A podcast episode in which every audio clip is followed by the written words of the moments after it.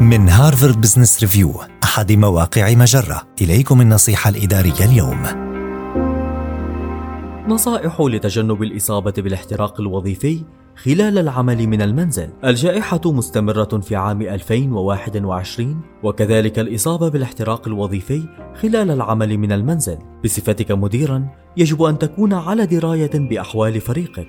لذا تفقد أحوال موظفيك بصفة منتظمة فالتواصل يمكن أن يخفف من شعور الموظفين بالقلق ولكن لن يعلمك الجميع بأحوالهم أو بما يحتاجون إليه. لذا قد يقع على عاتقك بدء هذه المحادثات وتوفير ترتيبات عمل عادلة ومناسبة. كن مستعدا لإتاحة العمل بنظام الساعات المرنة كلما أمكن ذلك.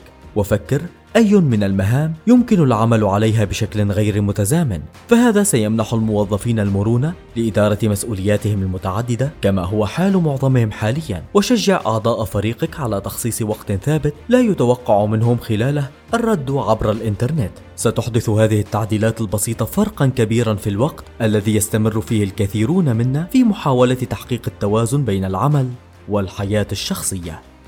هذه النصيحة من مقال كيف تساعد فريقك في التغلب على الاحتراق الوظيفي خلال العمل من المنزل؟ النصيحة الإدارية تأتيكم من Harvard Business Review أحد مواقع مجرة مصدرك الأول لأفضل محتوى عربي على الإنترنت.